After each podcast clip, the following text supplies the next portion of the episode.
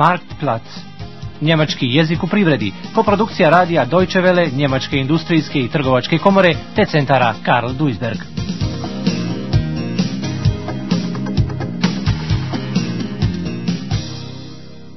Četrnaesta lekcija. Marketing. Uvođenje novog proizvoda na tržište. Nova mašina u točionici pića, Abfüllanlage, napuni umjesto 80 punih stotinu flaša u minuti. 100 Flaschen pro Minute. Nju je došao vidjeti čak i menadžer odgovoran za proizvode, produktmenadžer, koji inače rijetko uprati selten mitkriegt, kako se odvija proizvodnja onoga što on prodaje, was er an den Mann bringt. Ah, das ist also die neue Abfüllanlage. Genau, mit der schaffen wir jetzt 100 Flaschen pro Minute. Vorher waren es 80. Jupp, fahr mal die Kiste weg, sonst haben wir gleich wieder einen Stau. Ja, die Anlage läuft fehlerlos. Interessant, interessant. Tja, ich als Produktmanager sorge zwar dafür, dass wir unsere Produkte an den Mann bringen, aber wie das Ganze hergestellt wird, das kriege ich ja nur selten mit. Kürzlich ist uns eine ganze Palette Flaschen umgekippt. Das war vielleicht eine Sauerei, ich kann Ihnen sagen. Also mit Dosen wäre das nicht passiert. Dosen? Ja. Wir überlegen in der Zentrale, ob wir nicht auch Dosengetränke ins Sortiment nehmen. Wodka aus Dosen? Bitte schön, also, wer soll denn sowas kaufen? Moment, Moment, Moment. Natürlich soll der Wodka nicht pur in die Dose, sondern als Mixgetränk. Vielleicht mit Lemon gemischt. Wodka Lemon, kennen Sie doch. Hm. Hm, nicht schlecht. Wie kamen denn die Leute von der Produktabteilung auf diese Idee? Pa to je pravo iznenađenje. Preduzeće će u svoj asortiman unijeti novu vrstu proizvoda, piće u limenkama, dozengetränke. Hoće li se to i vodka piti iz limenki? Naravno da neće. Ovdje je zapravo riječ o miješanim napicima, kao što je, na primjer, vodka lemon. Gospodin Majer iz odjeljenja za prodaju Vertriebsabteilung na jednoj konferenciji skrenuo pažnju na činjenicu da su miješana pića sve više u trendu. Mixgetränke sind immer mehr im Trend. Konkurencija ne spava i odavno je na tržištu. Auf dem Markt. Oni miješaju vodku sa sokom od naranđe i tako redom. Propušteno mora biti odmah nadoknađeno i nade voz bez nas. Fährt der Zug ohne uns ab. Dijelovi tržišta, Marktanteile, su u protivnom brzo razgrabljeni. Ja, der Meier von der Vertriebsleitung hat uns kürzlich bei einer Konferenz darauf aufmerksam gemacht, dass Mixgetränke immer mehr im Trend sind. Und die Konkurrenz ist schon längst auf dem Markt. Die mischen ihren Wodka jetzt mit Orangensaft und vermarkten das Ganze fertig gemixt. Und Cola Rum Whisky, Cola, das gibt's alles schon.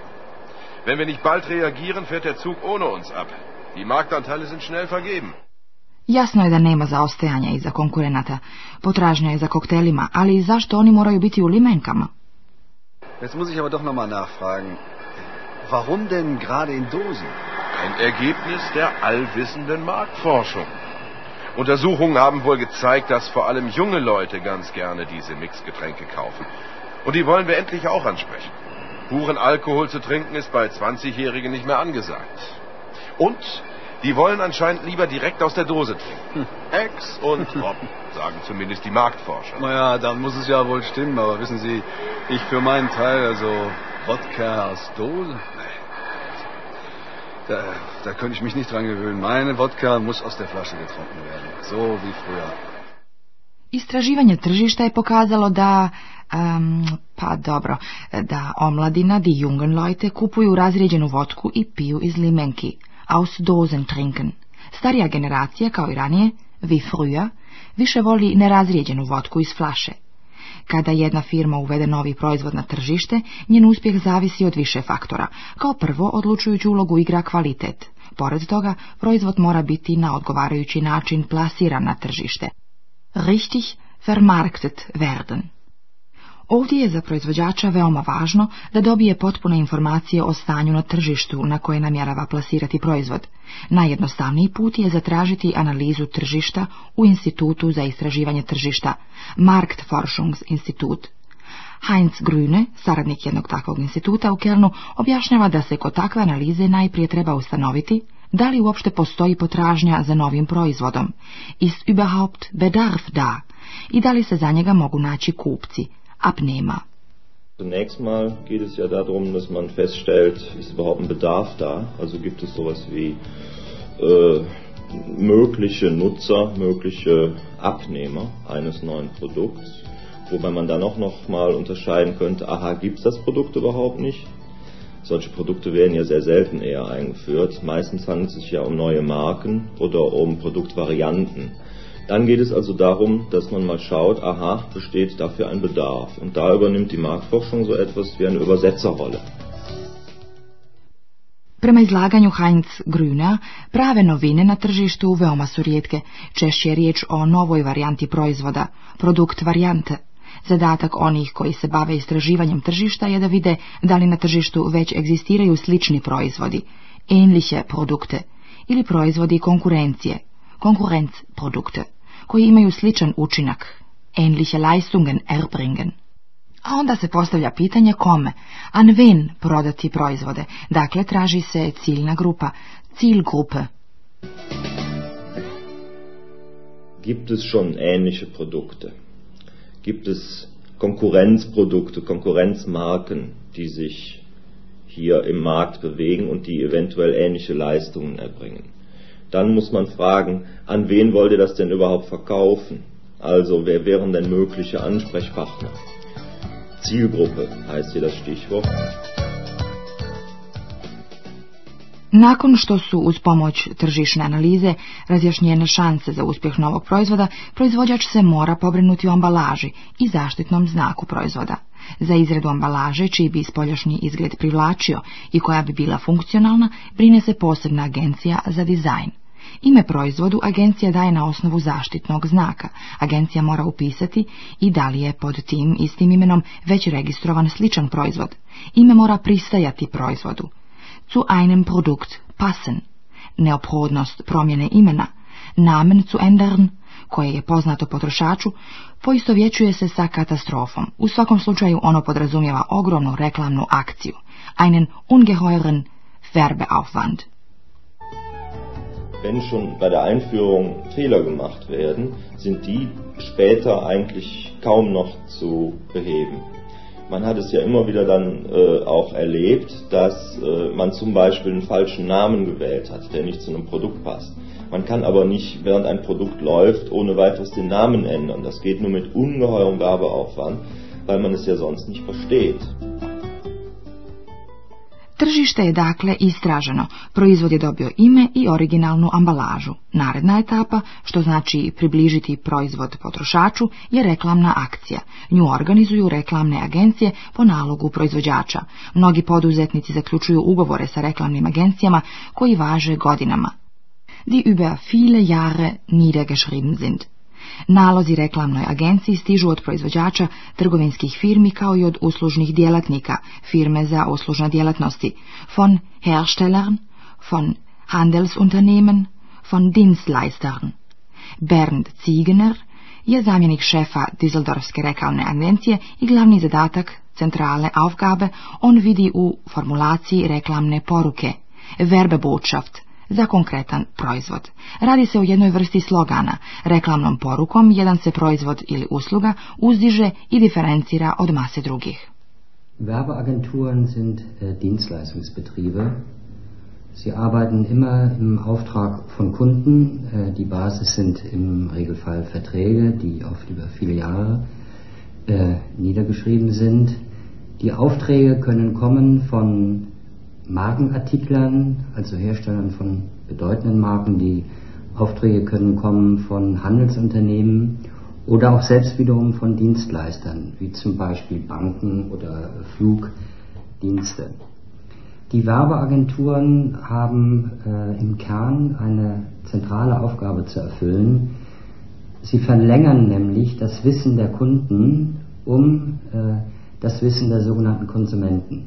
Im Regelfall erfindet der Kunde das Produkt. Das ist nicht Aufgabe der Werbeagenturen. Wir formulieren dann, wenn das Produkt konkret wird, in so einer Leistung definiert ist, eine zentrale Werbebotschaft.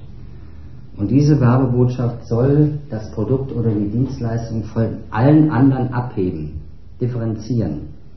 Der Konkurrenzdruck, äh, wie wir wissen, ist erheblich.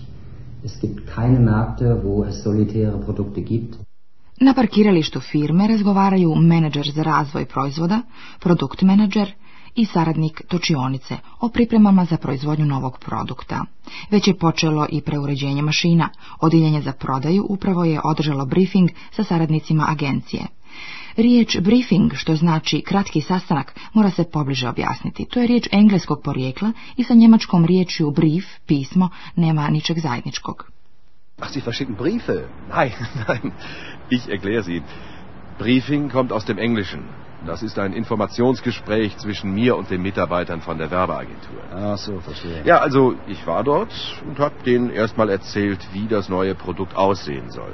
Sie wissen schon, dieses neue Mixgetränk wollen wir anbieten. Wodka, Lemon und so weiter. Dann habe ich denen erklärt, dass das Ganze in Dosen angeboten werden soll. 0,3 Liter Dosen. Verkaufspreis so um die 4 Mark. Das müssen die alles wissen. Naja, dann habe ich denen die Dose gezeigt. Das Design steht nämlich schon. Also ich meine damit, wir haben schon einen fertigen Entwurf, wie die Dose aussehen soll. Und?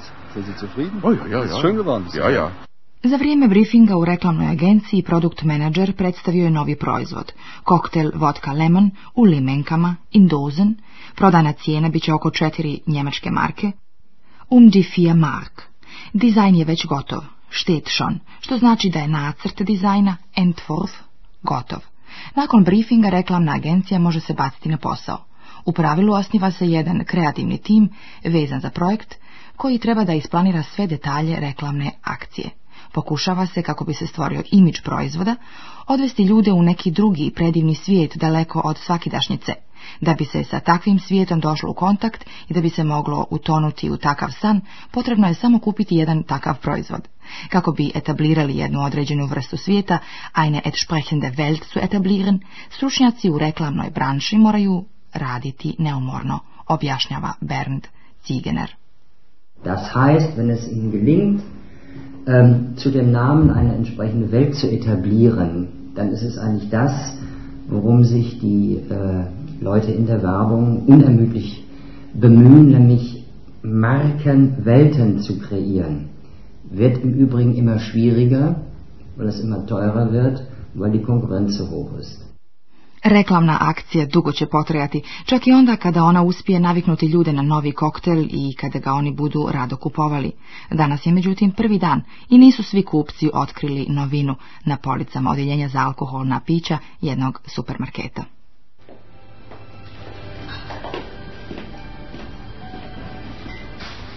Da hinten sehen Sie. Seit heute gibt es unseren neuen Wodka Lemon zu kaufen. Dort steht er im Regal.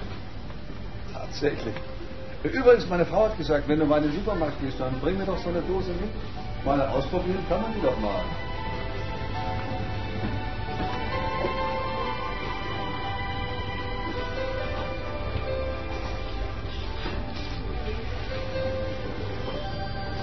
Verehrte Kunden, bitte beachten Sie unser neues Angebot. In der Spirituosenabteilung finden Sie ab heute Wodka Lemon fertig gemixt in der 0,3 Liter Dose zum Aktionspreis von nur 3,49 Mark.